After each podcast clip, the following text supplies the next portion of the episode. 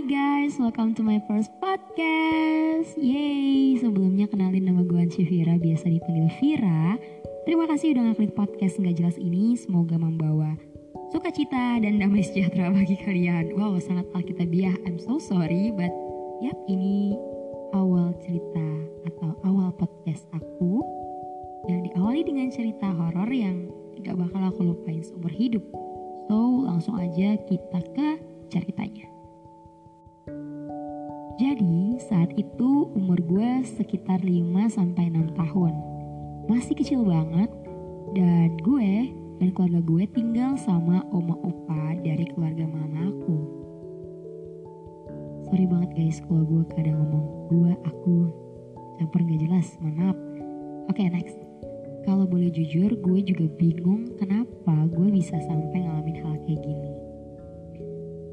Suatu malam gue kebangun jam 12 malam nangis kejar jingkar kayak semacam nangis itu yang kayak ngeraung-ngeraung kayak kesurupan. Enggak tapi gue nangis tapi gue sadar antar sadar dan gak sadar waktu itu. Sambil kaki gue tuh ngegesek saling ngegesek satu sama lain. Jadi kaki kanan sama kaki kaki kiri tuh kayak saling gesek sampai aku yang ngerasain tuh dia panas sakit gitu loh. Karena kan masih kecil. Nah, uh, itu tuh semacam ya kalau kalian lihat ada penculikan, terus kakinya diikat, nah tapi itu ngegesek untuk melepas ikatan itu, dan gue ngerasain itu waktu itu. Jujur banget nih, waktu gue nulis skrip ini tuh deg-degan karena itu tuh tengah malam. Dan gue membayangkan kejadian-kejadian dulu yang sampai buat gue gak bisa lupa sampai sekarang kejadian itu tuh terus berulang kayak bisa seminggu tuh hampir tiap hari deh kalau nggak salah ya.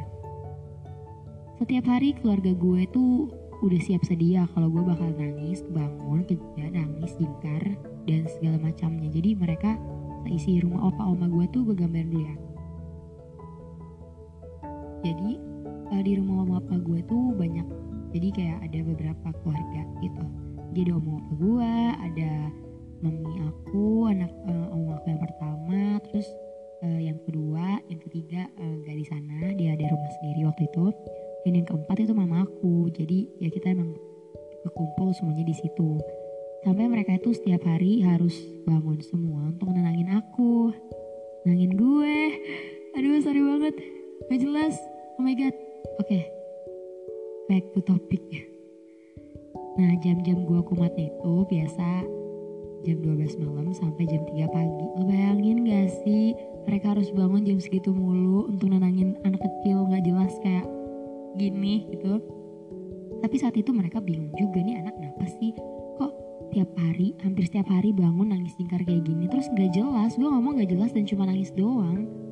Nah beruntungnya saat itu oma gue masih ada masih hidup beliau masih ada dan uh, yang rawat gue sama sepupu-sepupu gue tuh ya oma aku karena orang tua kita semua kerja jadi oma gue dan opa gue yang rawat. Nah saat itu beliau tetangin gue dengan cara racik bawang merah. Beliau gunting eh gunting. Potong potong bawang merah ya satu siung dua siung gitu. Terus dicampur sama minyak makan. Kalau gak minyak makan sama minyak minyak urut minyak tau eh minyak tawon bukan minyak tawon namanya itu kayak the best. Minyak tawon buat kalian yang sakit badannya atau perlu dipijit itu minyak tawon enak sih walaupun baunya mungkin ada beberapa orang yang gak suka. Tapi itu menurut gue tuh the best minyak ever ya yang kedua GPU lah ya. Aduh maaf banget malah promosiin minyak. Oke balik lagi. Nah setelah beliau ngeracik itu beliau gosokin ke telapak kaki gue dan di saat itu gue kayak nangisnya lebih kenceng teriak lebih kenceng gue nggak tahu tuh tetangga uh, keganggu apa enggak ya. Udah amat. Digosokin terus sampai akhirnya gue tenang. Nah emang nggak langsung kayak zet hilang gitu gue tenang enggak. Dia emang pelan-pelan baru bisa sadar dipanggil-panggil namanya Vira Vira Vira gitu. Baru bisa sadar dan kembali lagi nih gue di dunia ini jujur lagi nih gue yang ngalamin antara sadar dan gak sadar. That's gue gak, gue sadar gak sadar karena di situ gue bisa ngeliat muka-muka orang-orang rumah tapi gue gak bisa ngomong gue cuma bisa nggak nangis gitu loh. Ngerti gak sih? Gue cuma bisa nangis dan gue cuma selalu ingat bahwa kaki gue tuh saling ngegesek dan hal itu yang um, selalu gue lakukan saat-saat itu sampai sampai puncaknya nih di suatu malam gue masih kecil banget ini pastinya belum kenal yang namanya makian. Jujur aja gue tuh dulu seringnya cuma main sama teman-teman daerah rumah situ nonton TV nonton Dora minum susu di Dot di Ayun itu itu doang. Tapi tiba-tiba suatu malam itu gue ngucapin hal yang menurut mama gue itu sangat di luar apa ya? Mama gue nggak nyangka gitu gue bakal ngomong kayak gitu. Gue bakal gue ngomong itu ke mama gue anjing kamu. Kayak what the ini anak tau dari mana? Sedangkan di lingkungan keluarga gue nggak pernah ada yang ngomong kasar. Marah iya tapi nggak pernah ngomong kasar kayak gitu. Tapi nggak tahu kenapa aku bisa ngomong kayak gitu.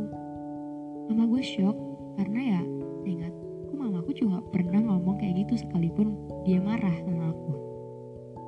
Akhirnya mama gue capek dan keluarga gue juga capek nih anak kenapa nggak tahu? Sebabnya tiba-tiba nangis karena setiap orang nangis setiap orang melakukan sesuatu itu pasti ada sebab atau ada alasannya kan. Jadi di sini keluarga gue capek akhirnya ditambah lagi takut keganggu ke tetangga. Karena posisi rumah oma opa gue tuh komplek-komplek lama kampung ya jadi emang jarak rumahnya tuh deket-deketan banget. Nah waktu waktu nih gue gue juga diceritain sih sebenarnya. Gue diajak pergi nih sama mama gue dan pergi ditanyain eh salah gimana sih? Jadi salah oke. Jadi waktu itu gue katanya diajak pergi sama mama gue dan perginya ini ke seseorang gue nggak inget siapa gue juga nggak inget kalau gue tuh sempet ditanyain kayak gini gue lupa lupa ingat sih cuma mama gue ceritanya kayak gini. Gue dibawa dan ditanya tanya sama seseorang kayak Vira kenapa kok setiap malam kayak gitu? Maksudnya itu yang nangis-nangis tinggal itu kenapa ya? Nah gue yang masih polos ini ngejawab bahwa gue Vira dimasukin uh, dengan polosnya gue jawab kayak gini Vira dimasukin ke keranjang terus kakinya diikat. Jadi kan gimana sih anak kecil kalau dimasukin ke keranjang atau dikurung aja udah nangis kejar banget kan kayak takut. Nah apalagi ini dimasukin semacam ke keranjang uh, kalau ini gue inget semacam ke keranjang piknik yang bisa dibuka kanan kiri tuh yang kotak. Terus gue dimasukin ke situ dan kaki gue diikat. Gue bayangin aja anak kecil menurut gue gue gak kecil-kecil banget sih waktu itu. Dan gue dimasukin ke keranjang itu takut banget dong akhirnya gue nangis dan gue berusaha ngelepasin ikatan-ikatan yang, yang ada di kaki gue dengan cara yang ngegesek itu. Itu sepenglihatan gue tapi kalau orang-orang lihat itu yang emang gak ada apa-apa. Ditanya lagi diikat sama siapa? Anjing gue yang merinding lagi apaan sih? Sama cewek cantik. Tapi badannya setengah ular. Setengah manusia. Jadi uh, saat itu sumpah gue merinding banget jerit padahal ini masih sore. Gue tag ini jam 4 sore. Woi. Oke jadi uh, sama cewek cantik kayak putri gitu. Cuma dari perut ke bawah itu ular. Perut ke uh, dada ke atas itu manusia. Cantik banget boy emak gue juga shock karena dengar kayak gitu. Kemungkinan besar gue saat itu mau uh, didoain. Jadi makanya ditanya dulu ini kenapa didoain gitu? Sampai suatu waktu uh, keluarga gue dan gue juga mama bapak dan kakak gue pindah. Kita pindah dari rumah opa kita ke rumah kontrakan gitulah mama bapak gue pengen hidup mandiri mungkin ya. Nah kalau gue ingat-ingat nih di rumah juga agak angker gitu. Jujur gue penakut orangnya penakut banget. Singkat cerita dari kejadian itu berlanjutlah di rumah kontrakan ini.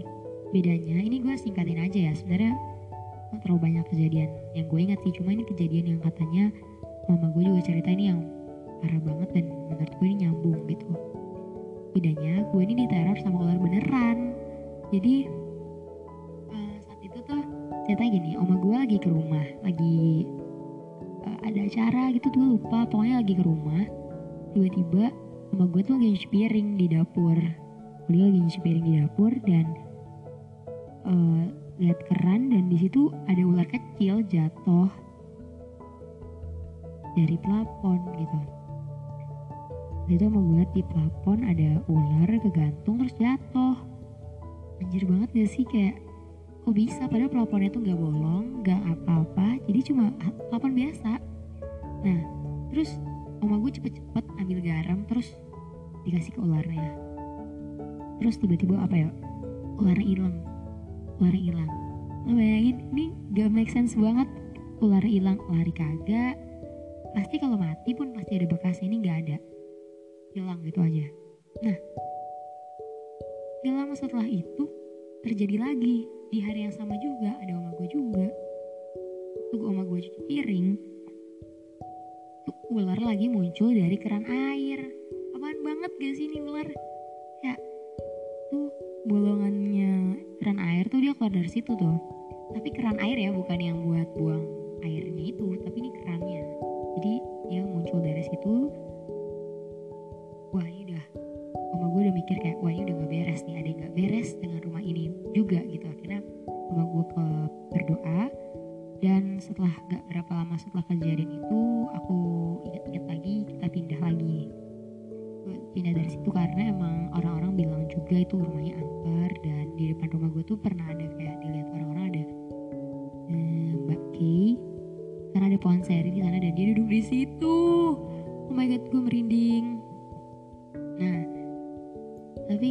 dari hal-hal yang terjadi mungkin uh, ada aja yang lewat tapi ini adalah salah satu momen yang gak bakal gue lupain nah by the way ini ceritanya berlanjut guys gue baru ingat waktu ngetek nih podcast. Jadi waktu gue mau kuliah saat tiga gue mampir uh, mami gue ini punya kenalan. Uh, kenalan Kai. Beliau adalah orang yang bisa dibilang orang yang memiliki talenta khusus dari Tuhan gitu jadi beliau di Semarang dan kebetulan kan gue kuliah di Salatiga deket banget dari Salatiga gitu. Jadi ya akhirnya kita ke Semarang ke tempat Kai gue ada silaturahmi sama beliau dan terus mama gue sempat bilang gini waktu itu gue punya uh, satu gue lagi sakit sakit kulit kepala gue lagi sakit alias ada ya sesuatu nanti bakal gue ceritain in another episode. Jadi pokoknya gue minta didoain aja supaya bisa ditinggal nih gue bisa jadi orang yang mandiri gue nggak takut gitu karena mama gue ini takut aku karena aku yang penakut banget ini jadi beliau takut akunya tuh kenapa-kenapa di sini di salah tiga waktu itu. Jadi akhirnya didoain uh, bilang ngasih gue aqua yang sudah dibaca-bacain. Terus uh, akhirnya yaudah setelah didoain itu mama gue bilang juga sebelum didoain mama gue bilang kayak gini. Dia itu dulu pernah diikutin sama cewek sama cewek apa? Terus ceritain lagi dong kayak oh iya aku dulu sempat kayak ngerasa diikat gitu kai kayak kakinya diikat badannya diikat masukin keranjang. Jadi setiap malam tuh kadang jingkar bla bla bla udah cerita kayak gitu kira kayaknya paham dan beliau udah ngedoain lagi tuh uh, air dan kasih ke gua. Gue minum. Nah tau apa jujur ini sumpah ini gak gimmick. Ini sumpah ini kayak bukan prasangka yang kayak bukan prasangka sih. Maksudnya ini bukan kayak yang bohong-bohong itu loh. Tapi nih serius gue ngerasa badan gue melayang, melayang coy. Melayang. Padahal gue duduk posisinya gue duduk. Melayang yang kayak melayang bentar tinggal tinggi tinggi banget kayak melayang kayak low gitu. Low gitu terus kayaknya bilang tuh dia udah pergi. What the? Jadi selama ini dia masih ada di sekeliling gue kan what dia udah pergi tapi dia masih di sini gitu. Maksudnya masih sekitar di rumah itu. Sumpah aku tuh kayak takut banget saat itu kayak ini cewek masih ngikutin gue dari gue kecil? Nah apa sih? Gitu kan. Jujur gue gak berhenti merinding kenapa sih? Jadi yaudah setelah itu kayak gue bilang dia udah pergi. Semoga dia gak balik lagi. Berarti ada kemungkinan dia udah untuk balik lagi dong tapi sisi juga gue gak terlalu percaya sama kayak kayak gituan. Gue hanya gue percaya gue percaya ada mereka tapi satu yang perlu gue tahu adalah gue punya Tuhan yang lebih berkuasa daripada mereka. Gue punya Tuhan Yesus yang lebih keren yang lebih powerful yang lebih bisa jaga gue sampai saat ini. Akhirnya gue nggak kenapa-kenapa karena Tuhan Yesus